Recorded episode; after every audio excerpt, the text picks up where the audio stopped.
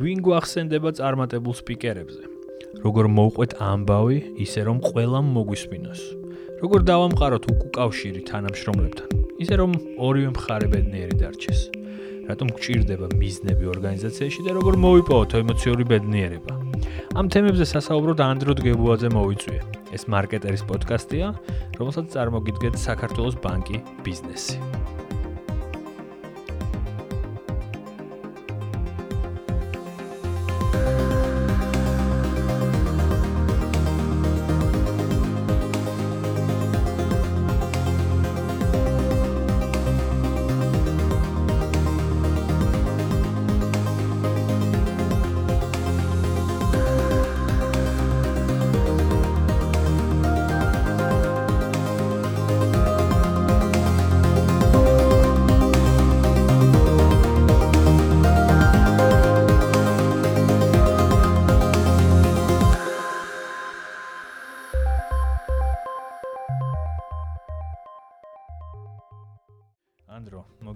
მოგესალმებით, როგორ ახარ? მადლობა და კიდევ ერთხელ მადლობა, რომ ამ პოდკასტში ამ გადაცემაში დამატეთ თითი და შენ ერთხელ უკვე ყავდი ჩართული ტელეფონით ჩაგერთვით ადრე და მაშინ არ ვიცოდი რომ ესე პირდაპირ გამიშვებდი და რაღაცა ფამილიარულად გამომივიდა და მე პირდაპირ გამაქანეთ პირველ პირდაპირ ეთერში.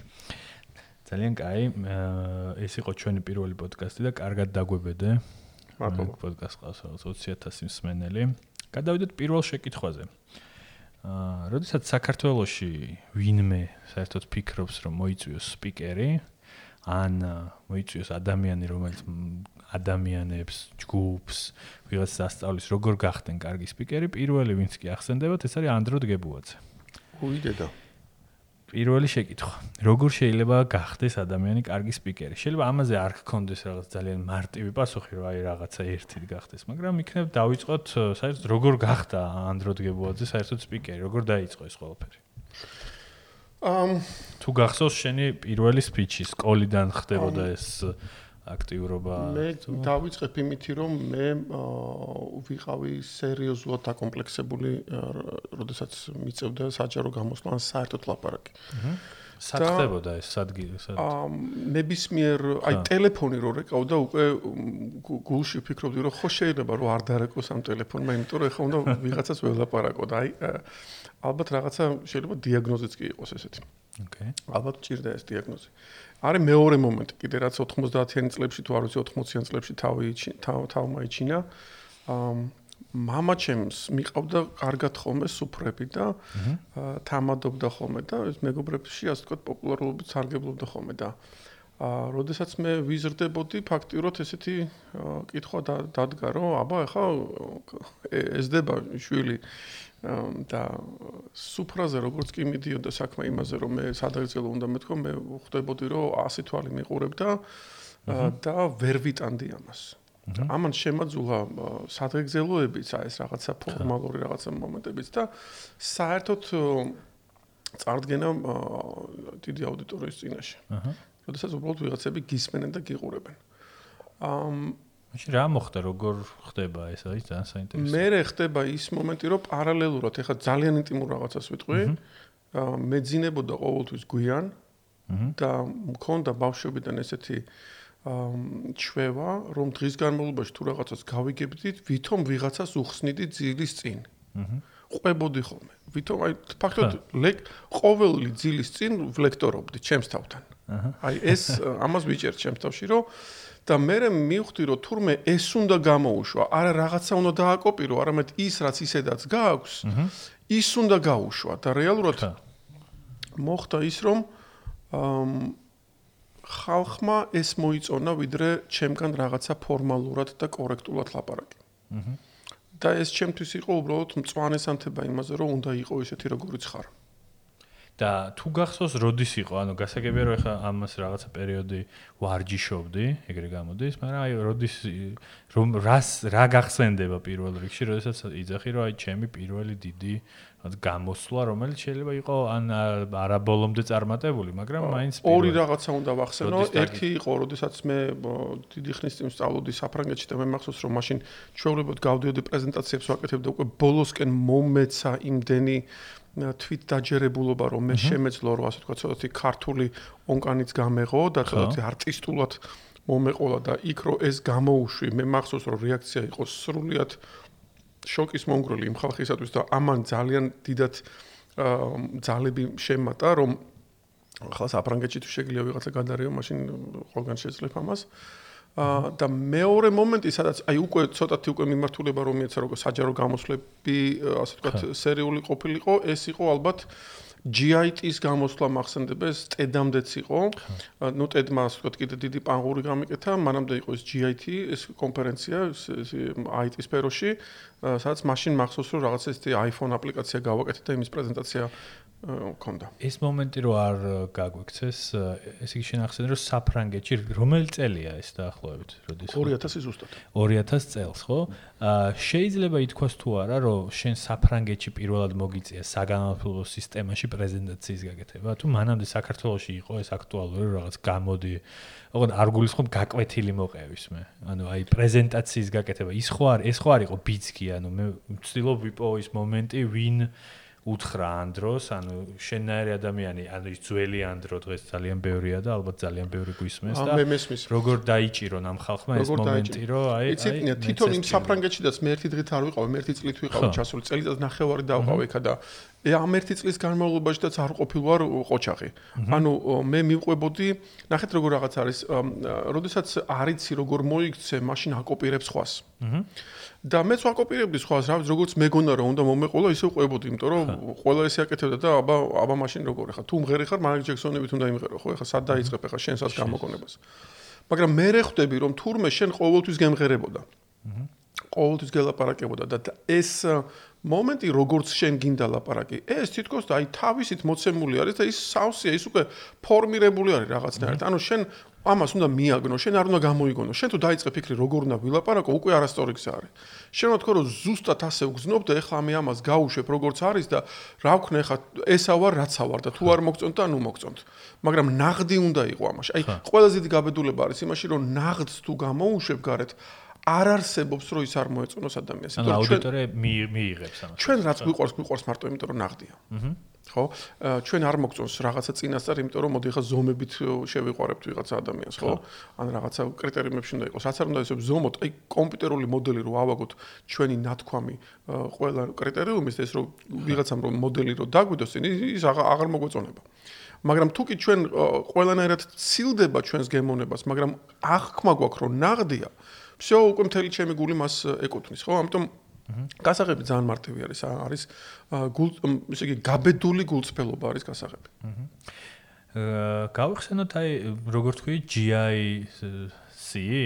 ამ GIC ერთ-ერთი პირველი აი პირველი წელი, ხო? როდესაც პირველი წლები და შეიძლება იყოს, როდესაც ანდრომ გამოუშვა რაღაც ან ხო ანდრომ გამოუშვა ანდრო. ანდრომ გამოუშვა ანდრო ყვება.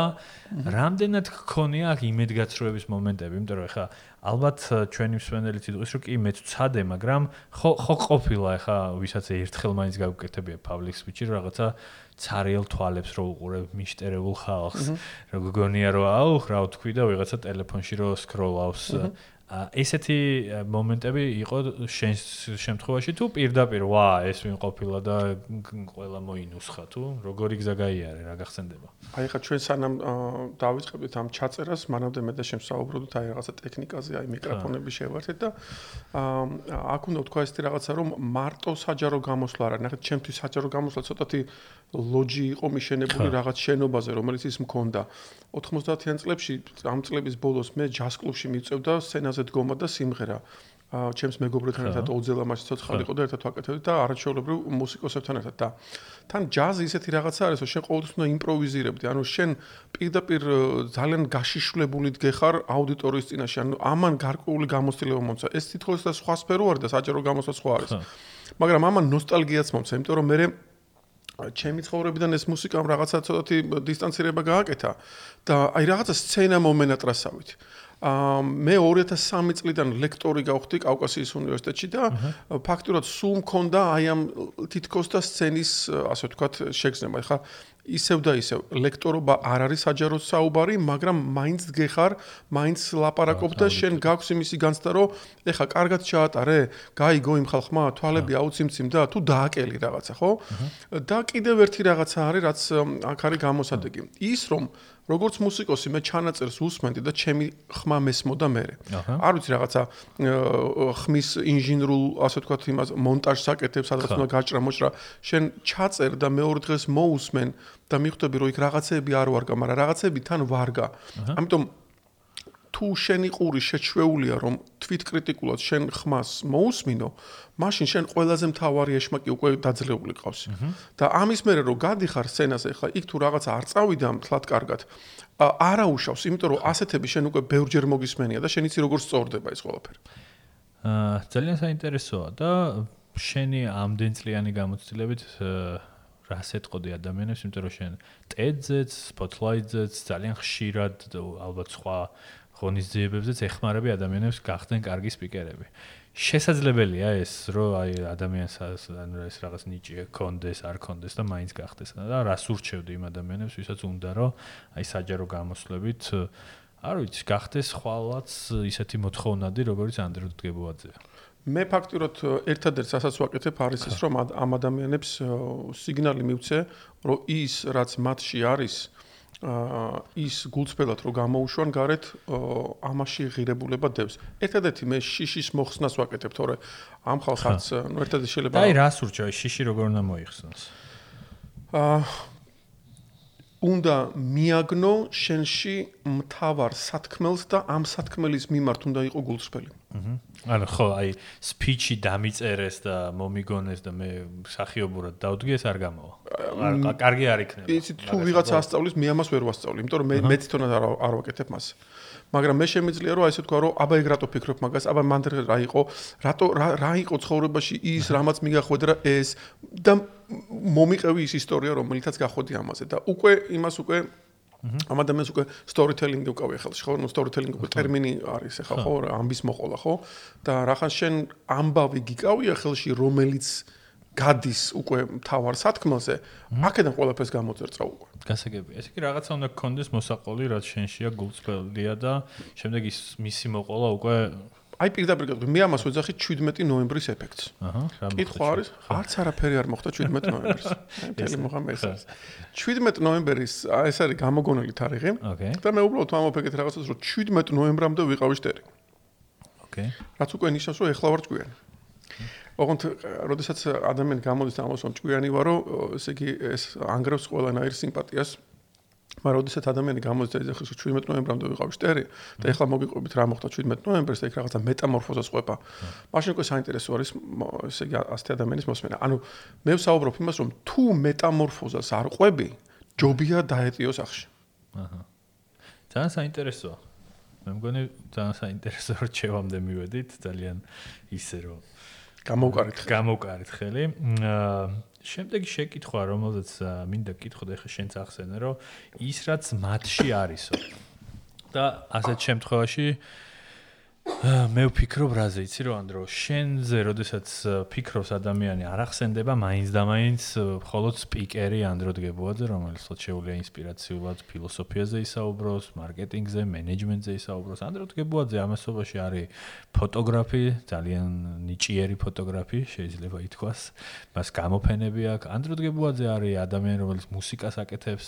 ხო ანუ შენში ხო არ არის ისიც რომ აი სპიკერობამდე სანამ მიხვალ რაღაც ცოტა საინტერესო ცხოვრების გზაც უნდა განვლო ალბათ ხო რაღაცა მე მე ვატყობ ხოლმე შენ გამოსვლებში რომ რაღაცა ამ ყველაფერს აკავშირებ ცხოვრების გამოცდილებას თუნდაც შენ რომ მოგზაურობ ინდოეთში ეს არ არის ანდრო ინდოეთში წავიდა ესე იგი ყველა ვიცით რომ უკვე იქიდან რაღაცა ახალი სათქმელი გაქვს და სუ სხვა ლინზით გვაჩვენებ მოკლედ ამ ყველაფერს. აი რამდენად შენი ცხოვრების სტილი რამდენად გეხმარება იმაში რომ იყო საინტერესო სპიკერი.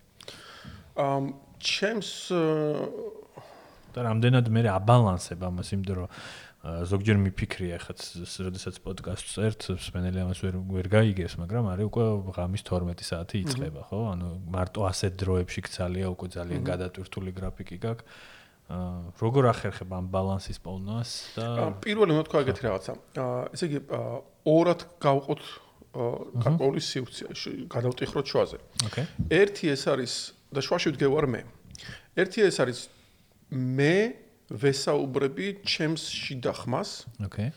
მეორე არის მე ვესაუბრები სამყაროს. ანუ გარე სამყაროში გავდარ. ჩემი და გარე სამყაროს ურთიერთობა ეს არის ის უნარები, რომელიც გამაჩნია. არ ვიცი ფოტოგრაფია იქნება, არ ვიცი ლაპარაკი იქნება, არ ვიცი IT იქნება, არ ვიცი მუსიკა იქნება ასე შემდეგ. მაგრამ რაც უნდა გაიტანო გარეთ, ეს არის ის, რაც შიგნით გითხრა შენმა თავმა. თუ ის ფრონტ ტი არის ჩატეხილი, ის ხიდი არის ჩატეხილი შიგნით შენს იმანენტურ არსებასთან, მაშინ სათქმელი არ ქონია. და მაშინ დაიწყებ ან სხვის კოპირებას დაიწყებ, ან ნერვიულობას, ვაიმე ახლა რა ვილაპარაკო, კი გადავიღე, მაგრამ რო გადავიღე, მე რა ვიცი, ან წავედი კიდევაც ამ არ ვიცი მე ინდოეთში თუ მთვარეზე ავედი, მაგრამ მე რა მოუყვე ახლა იქიდან რო პროსტო ვიყავი თუ თუ კიდე რაღაცა არის და. როდესაც შინაგან არსებასთან გააქვს საუბარი და ის რაღაცებს გეუბნება რომ არ ვთლად კაი ბიჭი ხარ, მოიცა ესე შეხედე, ისე შეხედე, ანუ უკვე საინტერესო როდესაც ხარ შიგნიდან, იმიტომ რომ მასთან გაქვს ურთიერთობა, იმ რაღაცასთან, რომელიც ობიექტურად სხვანაირად გახედებს. ამის მერე ხვდები რომ რო წახვედი სადღაც იქ მეტი დაინახე. მეტი დაინახე ფოტო გადაუღე. იქ რო წამოხვედი გაახმოვანე, რო გაახმოვანე მერე ილაპარაკე. მერე რო ილაპარაკე, მერე უფრო მეტი დაინახე და აი ეს უკვე არის რომ რაღაცა ორ ფრონტზე იბრძვი და ამ ორ რაღაცას აკავშირებ ერთმანეთთან. რეალურად უნდა ვთქვა, რომ თუ ვინმესთვის მე საინტერესო ვარ, მარტო იმიტომ ვარ საინტერესო, რომ არ მერიდება, რომ კავშირი დავინახო და გარეთ გამოვიტანო და თქვა, რომ უი, ცხვირი გავს, პირი გავს, ესე იგი სიდეტრს გავს. რეალურად ეს არის გაბედული პარალელის კეთება. ჩემგან თუ ვინმეს რამე აინტერესებს, პარალელები აინტერესებს, თორე რა უნდა ვილაპარაკო, ეხლა მე ისეთი რომელიც ციგნებში არ წერია და სადღაც კაცო თუმცა იმისთვის რომ ეს პარალელებები დაინახო, გააზრებულად აკეთებ იმას, რომ პარალელურად, ანუ ძალიან რადიკალურად სხვა ამბებში ხარ ხოლმე. არ ვიცი ხა ნებისმიერ ინსპირაციულ სპიკერზე ჩვენ არ გვახსენდება იმდენი რამე, რამდენი ჩვენზე, რა, რაღაც მუსიკას რო აკეთებ და მოგსაუბრობ და ფილოსოფიაზე საუბრობ და კლუბი გაქვს და არ შეიძლება მეც არ ვიცი კიდე რა ამბებში ხარ ჩართული, ხო? ანუ ჩემი შენ გითხარიო. ხო და ამას რეისთვის აკეთებ, იმიტომ რომ შენ თავს მიანიჭო ეს სიამონება თუ თვლი რომ ეს ყველაფერი გჭირდება, იმიტომ რომ აქეთ ანუ ამ მე უნდა ვთქვა რომ არაფერს არ ვაკეთებ იმიტომ რომ რამე მჭირდება.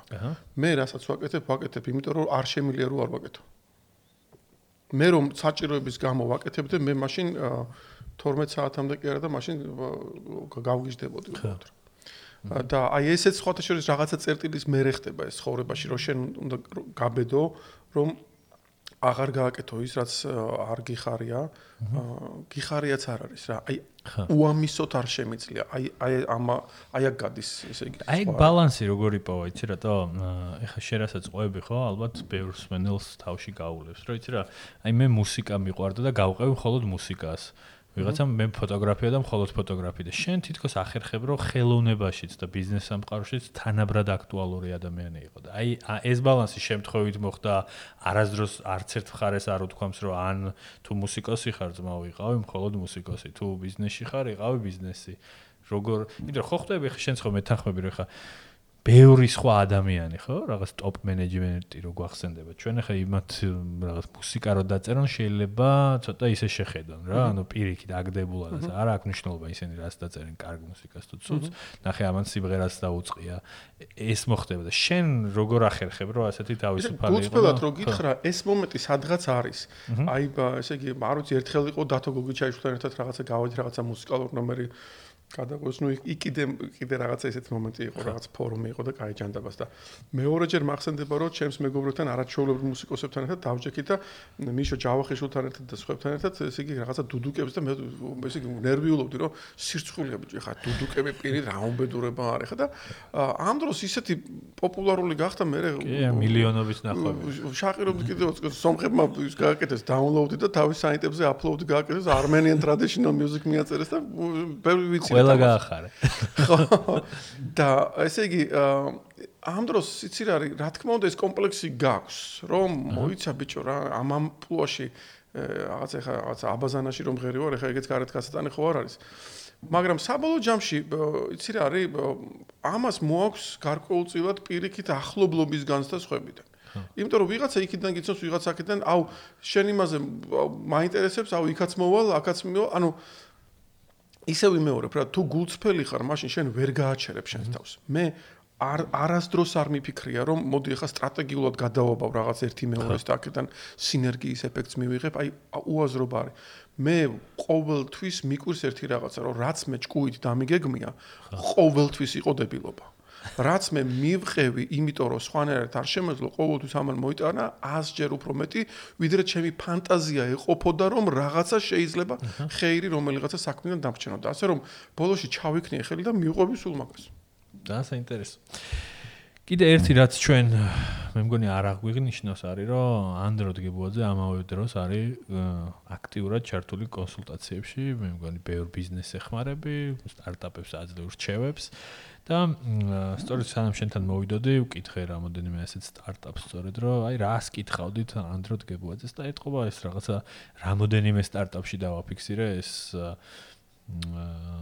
გულის ტკივილი მოკლედ რომ აი ფიდბექი თანამშრომლებს როგორ მივცეთ უნდა მივცეთ თუ არა საერთოდ და რომ უხსნით რა მოგწონს რა არ მოგწონს ხშირად ეს უარყოფითად აისახება მათ შედეგებზე. ხო, აი თითქოს უფრო მოთხოვნა აქვს მხოლოდ წარმატებული ფიდბექი მოგვეცით, ხო? აი რა უხრა მაგრები ხართ, რა კარგია და ეს აი ამაზე რას ურჩევდი კოლექტიურად რომ მოემართათ ჩვენთვის ამ ხალხს. საერთოდ გჭირდება ეს ფიდბექი, უნდა უთხრათ თუ უნდა გზნობდნენ თუ აი რას რას იტყოდი. აი ცოტა ბლიც რეჟიმში კი პასუხებ ამ კითხვაზე. პირდაპირ ვამბობ, რომ თუ კი არის კომპანია, სადაც ფიდბექი მოდის სწრაფად, აჰა და ეს ფიდბექი შინაარსობრივად არის ადეკვატური. ანუ გასალანძღი როცა ვარ, ლანძღავენ და შესაძლებელი როცა ვარ, მაქებენ, ოღონდ ამაში ობიექტურობის ძალიან დიდი დოზა არის. და მე ვხედავ რომ ესე იგი იმხელა გრანდები არიან იქ რომ ამას რომ მეუბნებიან მართლა მართლა ასია და აქედან რაღაცა შემიძლია გავიზარდო. მე ვიტყოდი რომ ეგეთი კომპანიიდან არ წამოვალ არასოდეს ან რა ვიცი, იქისკენ მივიდან ფულს. თუმცა ხო არის შემთხვევები, როდესაც არც მაინც და მაინც ძალიან კარგი ფიდბექი გაქვს თქმელი და არც მაინც ნეიტრალურსაც ემხრობი? ნეიტრალურსაც ემხრობ. ეს ნორმალური ხალხი ვიყავით დღეს? კი. რაც კარგად დავაცხეთ. უსაბიტო ნირიბანი მიასა. აი it's good but not great. აჰა. და ეს ეხმარება შენ როგორ თვლი? იცი როგორ თემა არის? აი იქამდე ხო არ შეიძლება ამ ყველაფერს რომ მიიყვანოს რომ უფ ეს კაცი არაფრით არ არის ყვაყოფილი ან ხალი რა ვიცი. როგორც აი აქ უნდა ვთქვა, არ ვიცი ხა იმაში რაღაცა რელიგიურ იმაში არ ჩამითვალოთ, მაგრამ როცა სიყვარულით ამბობ, ლანძღვაც გემრიელია. და მე უნდა თქვა სიყვარულით. როგორ უნდა თქვა სიყვარულით? გეტყვით. ვისაც ელაპარაკები, ის ადამიანი შენთვის უნდა იყოს ორი არსება. აჰა. იმ ადამიანის აღვირახსნილი ეგო, ოკეი. რომელიც არის უტიფარი, გაუთლელი, პრეტენზიული, კაპრიზული და ასე შემდეგ, მე მე მე მე მე სიძახის მეც არაფერს. yes. მეორე არის მასში არსებული მასზე მეტი, არ ვიცი თუ გინდა ღმერთი დაარქვი მაგას. აი ამ ადამიანის ეგო უნდა გაიგდო წიხქვეშს, როცა გასაგდებია, მაგრამ არასოდეს თითი არ უნდა დააკარო იმში და არსებას. ამ მარტივად ჟღერს, მაგრამ ცოტა აბა კიდე აგვიხ, ანუ როგორ როგორ წარმაი რეალურ მაგალითი. რეალური მაგალითი არის ეგეთი რაღაცა, რომ შეიძლება იყოს ჩემი მეგობარი, შეიძლება იყოს ნათესავი, შეიძლება იყოს თანამშრომელი, ქვემოთ, ზემოთ, გვერდით არ აქვს მნიშვნელობა. და მე უცებ ხედავ რომ ამ ადამიანს მაგ რაღაცა გააკეთა რომ ნუ საშნელება რა. ხო. და შენ პირველ რასაც ეუნები ამ ამოფეგეთ რაღაცას რომ ბიჭო ჩვენთან ესე არ მოსულა. აჰა. ჩვენთან ესე არ მოსულა არის რომ პიროვნულად შეურაცხყოფას გააყენებ რომ ვაიში დებილო. შენ უფრო გავიგე რასაც აკეთებ, ხედავ, იცოდე რომ მე ობზერვერი ვარ, მე გაკვირდები და ვადასტურებ რომ ჩვენთან ესე არ მოსულა. და მოიცა დაგამოღამებინო? ანუ გვერდით უდგეხარ თავაზე. ყოველთვის. ანუ მას მის სულს გადაყვები, საფლავში ჩაყვები. ოღონდ მის ეგოს აახევს ახეს. ანუ იმას ეთყვი რომ არა, ეგ არის დებილობა არის ხა. ეხა რაც გაკეთე დებილობა არის. მოდი ეხა გაჩვენებ made in Germany როგორ გეთდება. ანუ ასეთ ენეთ რო ელაპარაკებ, შენ უკვე მოჭიდება გაქვს იმაზე, რომ მისკენ ხარ, ის გრძნობს, რომ შენ მისკენ ხარ და ყველა ადამიანის ფუნდამენტური სიამოვნება არის, რომ იზრდებოდეს. დედამიწის ზურგზე არც ერთი არსება არ არის ეგეთი, რომელსაც არ სიამოვნებდეს რომ რაღაცა გაიგო. და ამიტომ შენ თუ ეხმარები ადამიანს რომ იმან გაიგოს და ის იყოს უკეთესი, ჩათვალ რომ იმასაც უყარხარ. ძალიან ძალიან კარგი მაგალითია. აა შენ თქვი რომ ფიდბექში დააფასებდი პირადად შენ თუ ეს სწრაფად მოხდებოდა, ანუ მალე გაიგებდი. მაშინ რეალური სიტუაცია რო წარმოვიდგინოთ, სტარტაპ გარემო, ან მცირე საშუალო ბიზნესი, სადაც ეს ადამიანები ერთად არიან, ხო? ხშირად რაღაცა ერთ ოთახში სხედან, აა არ ვიცი. რა აქ რა რჩევა გექნებოდა რაღაც ინდივიდუალურად მოხდეს, მეილით უნდა მოხდეს, ტელეფონით უნდა მოხდეს, რა კონკრეტულს ხო? კონკრეტულს გავიხსენებ. ერთ-ერთი ჩემი ასე ვთქვათ, ჰობიც და საქმიანობაც წლების განმავლობაში რაც იყო და დღემდე მოყოლებული რაც მაქვს, ეს არის IT და ეს არის პროგრამირება და პროგრამების წერა და რაღაც ბიზნეს სოლუშენების კეთება და ასე შემდეგ. ოკეი. და ჩემს გორდით იყო ხალხი, რომელიც ჩემს ჭკვიანები იყვნენ. აჰა. და საკმაოდ დაუნდობლები იყვნენ ესენი. IT-შნიკები ხო იცი, მაინც ისეთი უგულო და ცივსისხლიანი ხალხი არის. და ერთი მომენტი მახსოვს რომ აი ესე იგი team viewer-ის და რაღაცა remote ესეთი access ის არის რა ქვია პროგრამები რომელთაც შენ ეკრანს სხვის ეკრანს უყურებ ხო და ფაქტურად აი ჩემ ეკრანს უყურებდა ჩემი მეგობარი რომელიც ხედავდა მე რას ვაკეთებდი. ოკეი. ანუ ამაზე უფრო სწრაფი ფიდბექი არც მინახია. იმიტომ რომ პირდაპირ ხედავს რას ვაკეთებ და ლამის ესე იგი სახაზავს მირტყავდა თითებში, იმიტომ რომ მოიცა მაგას ვაკეთებ, მოიცა ეგრე არ კეთდება, მოიცა მასე არ არის. ამ თან ვერ გაიქცევი. იმიტომ რომ საქმეს აკეთებ, მაგრამ თან მოგიწევს რომ ყველა არასწორი გზა სცადო, მაგრამ ძალიან სწრაფად მიაგნო სწორ გზას. იმიტომ რომ ის მოყვება და გიჭრის ყველა ტოტს, რომელიც არასწორი მიმართულებით ასე ვთქვათ გახოთ. აი ჩემტერს ეგ პროცესი, მაგრამ თუ რამე მისწავლია, მაქედან მისწავლია. აა მაღალი დონის სტრესი იყო, ანუ რაღაცა ყველა მარტო თქვენ ორ შორის ხდებოდა ეს ამ ფიდბექი თუ ყველა ხედავდა რომ აი ანდრო აქ სხვებიც იყვნენ. აქ სხვებიც იყვნენ და ესე იგი ხა კიდე ტექნოლოგიასაც გააჩნია ხო? იმიტომ რომ რაღაცა ყველაფერი ხო არის დედამიწის ზოგზე ხა რაღაც ტექნოლოგიაზე იყო რომელიც სხვა მაგალითი შეიძლება ადამიანს დაადგეს თავზე და მაგრამ აქ არის საუბარი იმაზე რომ მოდი ახლა შენ გაბედე და აკეთე ოღონდ მე შენ ხელებში გიყურებ და შენ შენ ისწავლე აი წარმოიდგინე ცურვა მაგალითი ხო? ჩახტი ახლა არ ვიცი ცურო როგორ ჩახტი კაცო არ ვიცი ცურო ჩახტი და თან გეტყვი მე. ესე იგი წარმოიდგინე რომ თან აგიხსნა და შენ თან ამ დროს ხელები აქნიო და რო არ ჩაიწერო. ესე იგი რამხელა ყურადღება გჭირდება? მოსმენის და მიმღებლობის რა ხარისხი და გჭირდება? და ამ ყოლაფრის განხორციელების რამხელა ხარისხი გჭირდება? ხო სტრესი სტრესი კი შეიძლება აი უნიდან გადახდე. მაგრამ ეს იმდენად სწრაფად ხდება და რეზულტატი იმდენად შენია და იმდენად აი ესე იგი ხელშესახებია საბოლოო ჯამში რომ აი დიდი სიამოვნება ეს ნეტარების რანგის სიამოვნება არის საბოლოო ჯამში რა. ძალიან საინტერესო შეიძლება ითქვას რომ აა თვითონ ის ადამიანები რომლებიც გარკვეულწილად პროტესტ გამოთქვამენ ასეთ ფიდბექზე რომ ძალიან უხეშად მითხარი ცუდად მიყურებ რა არ ვიცი ხარ ბევრი მიღებლობა არ აქვს ხო? აი შენ შემთხვევაში იმ მომენტში ეგ განცდა გქონდა როდესაც აი რაღაცა არ მენდობი მე თვითონ ვიზამ. აი team viewer-ით რატო გიყურებოდა ის მე თავიდანვე გამოვაცხადე ეს ნდობა იმიტომ რომ ჩემ შემთხვევაში უნდა ვთქვა რომ აქ უსიყვარულობა არისო რა. ანუ ეს ეს არისო ლანძღვა და ეს არისო ქილიკი და ეს არისო რომ აი შენს პატრონს რო ეს რო არიცი ხო? აქ იყო საუბარი რომ ჩვენ ერთმანეთის თვალებში შევხედეთ და მე ვაღიარე რომ არ ვიცი და ამიხსენი. და ამირთვის და ამიხსენი ნიშნავს რომ ის თან მიხსნის, როგორც მე თან ვაკეთებ. სხვა შეიძლება მეორე მხარეც იზრდება ძალიან. როგორც მასწავლებელი იზრდება, იმიტომ რომ შენ ნერვებს უნდა გაუფრთხილდე და ჩემთვის ესეც კარგი გაკვეთილი იყო, იმიტომ რომ მე ვხვდები რომ სხვას რო აწია უხსნი, უკვე ვიცი როგორ აუხსნა. ამიტომ იმას ვეუბნები რომ გეპატიჟებით ზღვაში ჩასახტომად. მოიცა, მოიცა, მოიცა, მოიცა, მოიცა კი არა, მოდი ახლა უკვე ანუ ამას რო გააბედინებ, თან ახლა გადაწყვეტილიც გააკეთა, თაც იღმეში არ შეიყვან, ხო? ანუ ესეთი დაუკრეფავში არ არ გადახო რეალურად რა. მაგრამ ეს არის ძალიან აი ისე მე არა ვარ თერაპევტი, მე ვარ ქირურგი. როდესაც საქმე ეხება სხვაზე ზემოქმედებას და იმას რომ მოდი ახლა მეტამორფოზის წერტილამდე მიიყვანე ადამიანი. ანუ ცოტათი ოდნავ ძალადობ, ოღონდ ძალადობ მის ეგოზე და არასდროს არასდროს არასდროს მის ცენტრალურ ნებაზე. და ეს მე მიმეჩნია რომ არის სწორი დამოკიდებული. ამის garaშე არც მენეჯმენტია, არც შეყვარებულობა, არც მეგობრობა, არც მამაშვილობა არის და არც მეზობლობა არის. და საინტერესო. და შემდეგი შეკითხვა, რომელიც ასევე ამ შემთხვევაში უკვე საშუალო და დიდი კომპანიების მხრიდან გაისმა შენს მიმართ, როგორც ვახსენე რაღაც ამ პოდკასტ დავარქვი თითქოს დაგროვილი კითხვები ანდროსთან. აა ძალიან ბევრი HR-ი ამბობს, რომ ამ ბოლო დროს თითქოს ბევრი ახალგაზრდა, ასევე ადამიანები, რომლებიც წლების განმავლობაში მუშაობენ ორგანიზაციაში, ტოვებენ სამსახურებს, ძალიან წარმატებული კარიერები აქვთ, ან თუ არ ტოვებენ, მოკლედ მათი გონება სხვაგან ხქრის.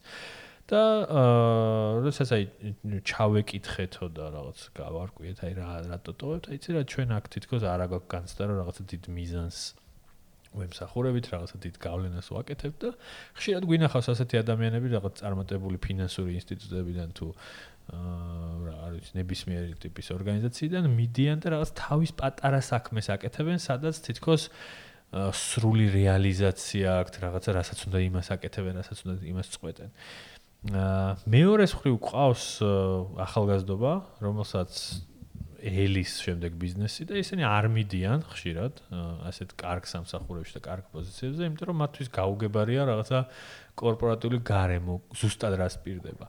და თითქოს ამის ესეთი სიტყვიერი გამოსავალი არის, რომ რაღაცა კომპანიას უნდა კონდეს თავისი purpose, მიზანი, რისთვის არსებობს და თუ ეს ცხადი იქნება ყველასთვის, ისინი დარჩებიან, მოუნდებათ აქ მუშაობა და რაღაც ამაზე ყველა ალბათ უმეტესობა ყოველ შემთხვევაში HR-ი თანხდება, რომ ჩვენ კომპანიას უნდა გქონდეს მიზანი. შეკითხვა შენთან. როგორ შეიძლება დიდ ორგანიზაციებზე საუბრობ, ანუ საშუალოზე, რომ ესეთი მიზანი გქონდეს, საიდან უნდა მოიგონონ ეს ისე ლიდერზე ეს ყველაფერი დამოკიდებული თუ შეიძლება უკვე შექმნილ ორგანიზაციაში ამისკენ შექმნა და რამე ლიმიტაციას თუ ხედავ რომ ყველა ინდუსტრიაში ეს არ გამოვა არ ვიცი. IT კომპანია რომელიც soft აკეთებს შეიძლება თუ არა რაღაცა კონდეს განცდა, რომ აქ ფულის გარდა კიდე რამე სხვა კეთდება. არ ვიცი, კომპანია, რომელიც ყიდის ყვავილებს, ცვლის საბურავებს, არ ვიცი, აი ესეთ ორგანიზაციებში შეიძლება ეს არსებობდეს რაღაცა мотиваტორი, რაღაც კიდე გარდა ფინანსური ინტერესისა, რაც დააკავებდა ამ ადამიანებს აქ. აჰა. ამ ჩემი მოკლედ ყույით ამას ვეძახი კეისარს კეისრის ამიეცი და ღმერთს ხვდისა და რას გულისხმობ ახლა ამაში? აა ყველა ბიზნეს უნდა ჩემგან ის რომ job description-ი ავიღო და შევასრულო. აჰა. და ამ job description-ში კონკრეტულად ძალიან თეთრ შავით წერია რა არის გასაკეთებელი. ერთი დღე, ორი დღე, ერთი წელი, ორი წელი, ხუთი წელი და ბოლოში მომბესდა. აჰა. გარდაუვალი არის ეს. გბეზდება იმიტომ რომ ადამიანი ბუნებრივად ეძებს ცოცხალს და როდესაც შენ ამოწურავ რაღაცას, შენ ცოცხალის ძიებაში ახლა მეზობლისკენ გაგიქცევა თვალი და იმიტომ რომ გასაგებია, ესე იგი შენ სახში ამოწურე ყველაფერი, რაც კი ასე ვთქვათ შესაძმეცნებელი იყო. მაგრამ აქ არის მეორე მომენტი, რაც შველის ამ სიტუაციას, იმიტომ რომ ის მეორეც ამოწურვადი იქნება, მესამეც და მეოთხეც და თუ ამას გაეკიდე, მაშინ შეიძლება ვერ მოხდეს განვითარება. ანუ სულ ჰორიზონტალში ირბინო და სიღრმეში არ წახვიდე. ჩემთვის ეს პროცესი ესეთნაირად გამოიყურება, რომ შემიძლია თუ არა ვაკეთო იგივე ოღონდ გულით.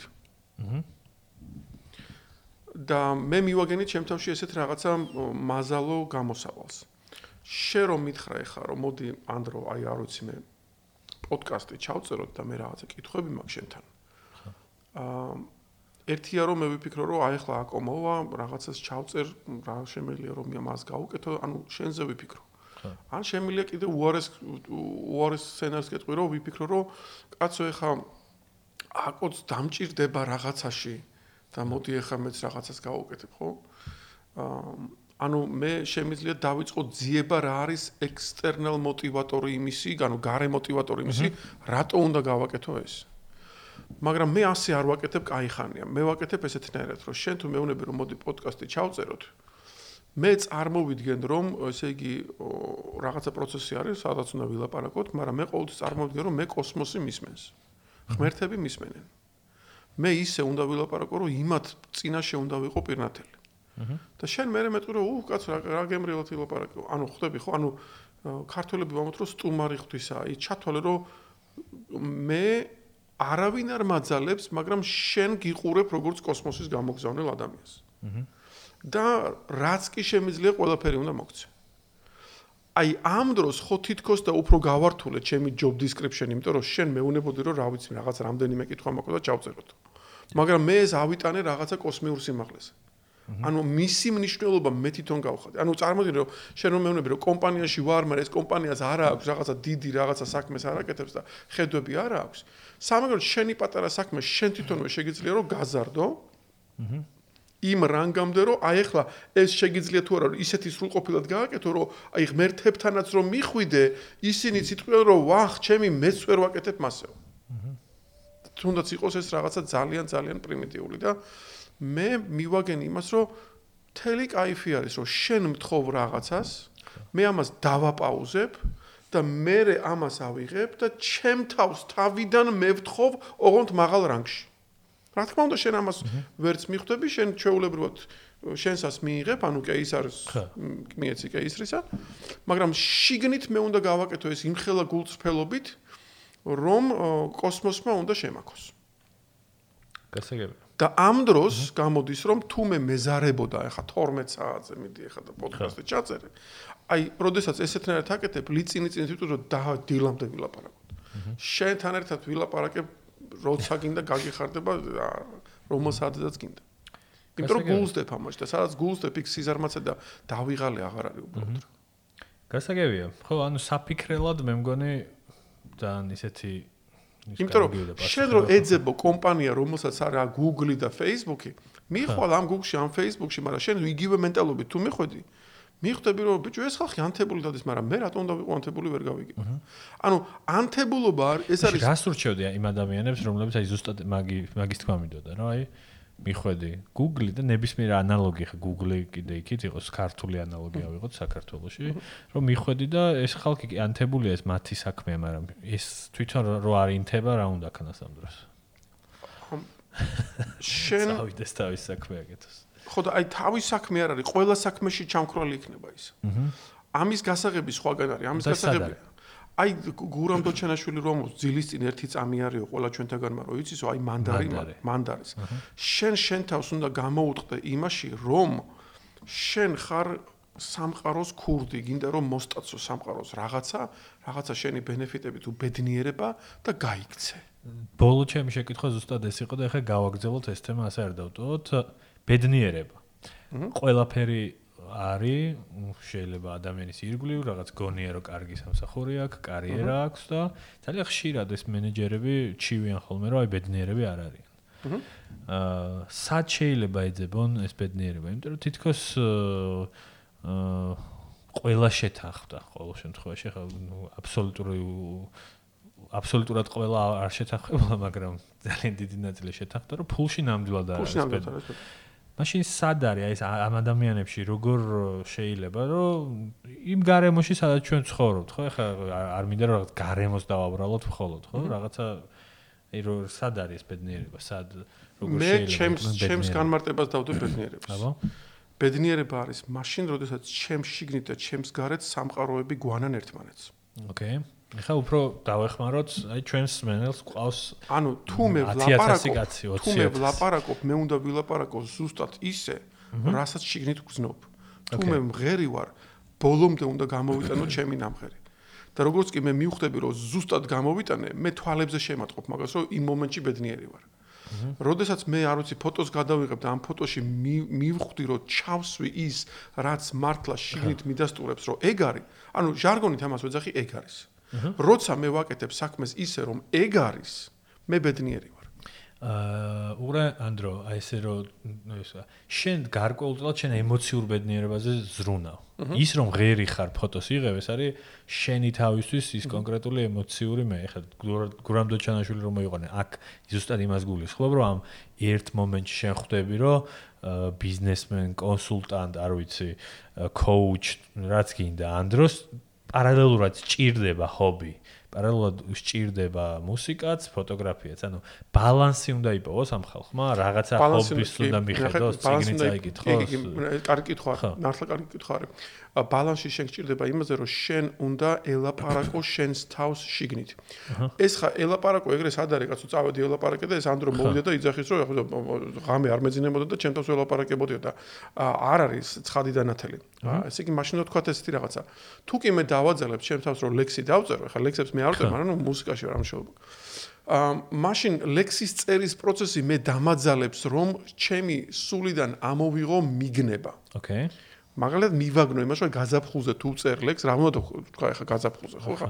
მე რო თქვა რომ გაზაფხულის ლამაზი რაღაცა და რაღაცა დებილობა არის იმიტომ რომ ვიტყუები ეხა მე რომ მკითხო მართლა რას ვიტყვი გაზაფხულზე? უნდა თქვა რომ გაზაფხული არ მიყვარს იმიტომ რომ ავატყდები აჰა. ნაღდობა ჩემ ჩემი გაზაფხულის მიმართ დამოკიდებულებაში ნაღდობა ეგ არის რომ გაზაფხული რომ მოდის უკვე გლახათავ არის იმიტომ რომ ვიცი რომ გრიპი მექნება. იმუნიტეტი არ მაქვს კარგი თლათ.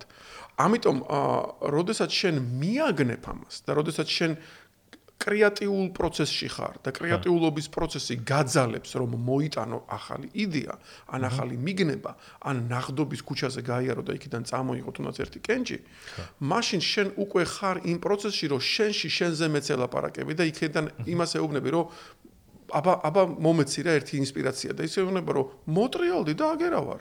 და შენ მოგიწევს რომ შენი თავისკენ მიტრიალდი. ამას ვეძახი გურამ დოჩანაშვილის იმ წამს რომელიც ყველა ჩვენთაგანმა თითო იმცის. და ინდივიდუალურ ადამიანმა სად შეიძლება? გარდა იმისა რომ შეიძლება ზოგს გააზრებული აქვს გარდა კარიერისა რა აბედნიერებს ხო? და ესეთები ჩვენ ვიცით რომ ბევრი ადამიანი ხოთა შეიძლება იმ სტრეს და რაღაცა იმას ჭყალებში მკურნალობს თუ არ ვიცი გადააქვს ყურადღება რაღაც ექსტრემალური სპორტებით და ხან მესმის მაგრამ ეგ ეგ გამოსავალი არასდროს არის სუბლიმაცია არის. დავეხმაროთ ამ ხალხს აი შენ ვიცი რომ სადღაც გააკეს პასუხი რა ის მოვაძებინოთ სად სად იპოვოს ლექსის წერა უნდა თუ სიმღერა? როგორ მიხდეს ეგ მეორე კითხვა არის. პირველი არის ის რომ ჯერ სუბლიმაცია არ უნდა გააკეთო სუბლიმაცია არის რომ გავეკეცი მე ჩემს რაღაცა პრობლემებს სტრესს ყოველდღიურად. ხო, სიტყვაზე ოფის გავეკეცი და წავაი და ტრენაჟორზე დავდექი და იმდენი ვირბინე რომ აი იქ დავანთხლე მთელი რაღაცა მთელი ჩემი ყურადღება, ენერგია ისე დავიღალე იქ რომ ეხლა უკვე ნერვიულობის თავი აღარ მაქვს.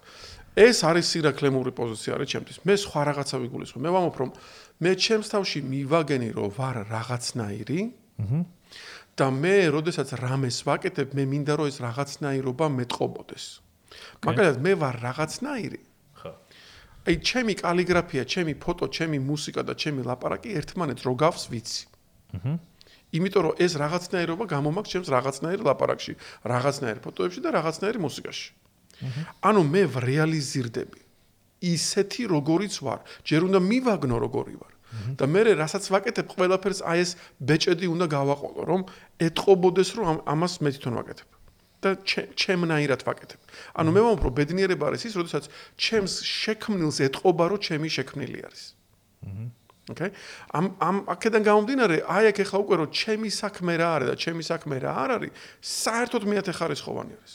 მე ვიტყვი რომ ნებისმიერი საქმე მომეცი და იმ საქმეს მე მოვირგებ ისეთნაირად, რომ იმაშიდაც გამოვხატავ ჩემს თავს და ჩემს გაკეთებულს შენ რომ არიწოდე ვინ გააკეთა, შეხედავ და იტყვი რომ ეს ანდრომ ხო არ გააკეთა. მიხდი, იმიტომ რომ სადღაც იგზნობ, რომ ამას ჩემი იმპრინტი გააჩნია და მე რა დამაძინებს სიხარულით, როდესაც მე მეცოდინება, რომ აკომ იცნო 1000 ფოტოში რომ ეს ანდროს ფოტო იყო. ესე იგი, ხო ხტები როგორ თემა არის რა? ანუ მაშინ მე შენს გულამდეც დავსულა რა. ეს ფუნდამენტური ბედნიერება არის. ანუ ამ ბედნიერებას სწავლაც არ უნდა. ეს ისედაც გვიხარია ჩვენ. ხა ვიღაცას გონია რომ აი მე ბედნიერება და დამალაიკებენ, დამაშერებენ, იმან რა კარი რაღაცა მომწერა, აი მე მთელი Facebook-ი. ხო ხტები, ანუ ეს არის როდესაც შენი ბედნიერება გარე სამყაროზე არის ჩამოკიდებული. ხო. მაგრამ მე მომფრო ბედნიერება უნდა გახდეს შენი შიდა მომენტი. ანუ შენ არ უნდა გჭირდებოდეს ვიღაცის მიერ შენი შემჩნევა. ხო. ამიტომ შენ გამოკეტილ კარებში და შეგიძლია. შენ თუ მარტოობაში არ შეგიძლია რომ იყო ბედნიერი, არ არსებობს დედამიწის ზურგზე და დედამიწის გარეთაც რამე ძალა რომელიც გაგაბედნიერებს. იმიტომ რომ ის ფანტომი იქნება, ის მოვა და წავა. ანუ შენ მოგიწევს რომ მიაგნოს შენს თავში ბედნიერების წყაროს. შენ თვითონ ახარ ეს წყარო თუ იმ წერტილთან მიხვალ გულწრფელად. აი ეს არის გასაგები. შეიძლება ითქვას რომ რაღაც საკუთარ თავთან საუბრით თუ რაღაც დაფიქრების თუ აი ახლა მე და მე და შენ რაღაცა ხუმრობთ იმასე რომ აი ახლა შენ ფაქტობრივად მოხოდი შენი აპარატურით, მიკროფონებით, რაღაცა კაბელები შეერთე რაღაცა, ხო? აი ჩემთვის მაგალითად ახლა აი ეს მთელი აპარატურა და კაბელები გავს შენ. აი როგორი მოწესრიგებული, როგორი ასე ვთქვათ პედანტის გარკვეულწილად, ესე დაალაგებული ასეთ ადამიანის ხარ, აი ესე დაალაგებულად, ანუ შენ რეალურად შენი საქმიანობის, შენი ხელწერით ემანირებ. ანუ რომც არ გკითხო, მე უკვე ვიცი რომ ამ ყველაფრის კეთებით შენ ბედნიერი ხარ. არ არსებობს რომ ესე არ იყოს. ხო? იმიტომ რომ ამაში გულიდებს. ამაში ყურადღება დევს, ამაში დევს ის, რომ შენ თავს ევლები თუნდაც იმ აპარატურას ეხა რომელიც ასე ვთქვათ აქ მოვაწყვეთ, ხო? ამიტომ ადამიანი რომელსაც უნდა რომ თავის შიგნით როგორც როგორც განიცდის თავის თავს ის გარეთ გამოიტანოს, ეს უკვე შემომქმედი არის. და შემომქმედი ადამიანი უკვე გარე მოტივატორზე დამოკიდებული აღარ არის. დიდი მადლობა თქვენ რომ უსმენთ მარკეტერის პოდკასტს. შეგახსენებთ რომ ჩვენ ყველა ეპიზოდს შეგიძლიათ მოусმინოთ ვებგვერდზე podcast.g. ეს მარკეტერის პოდკასტია, რომელსაც წარმოგიდგენთ საქართველოს ბანკი ბიზნესი. thank you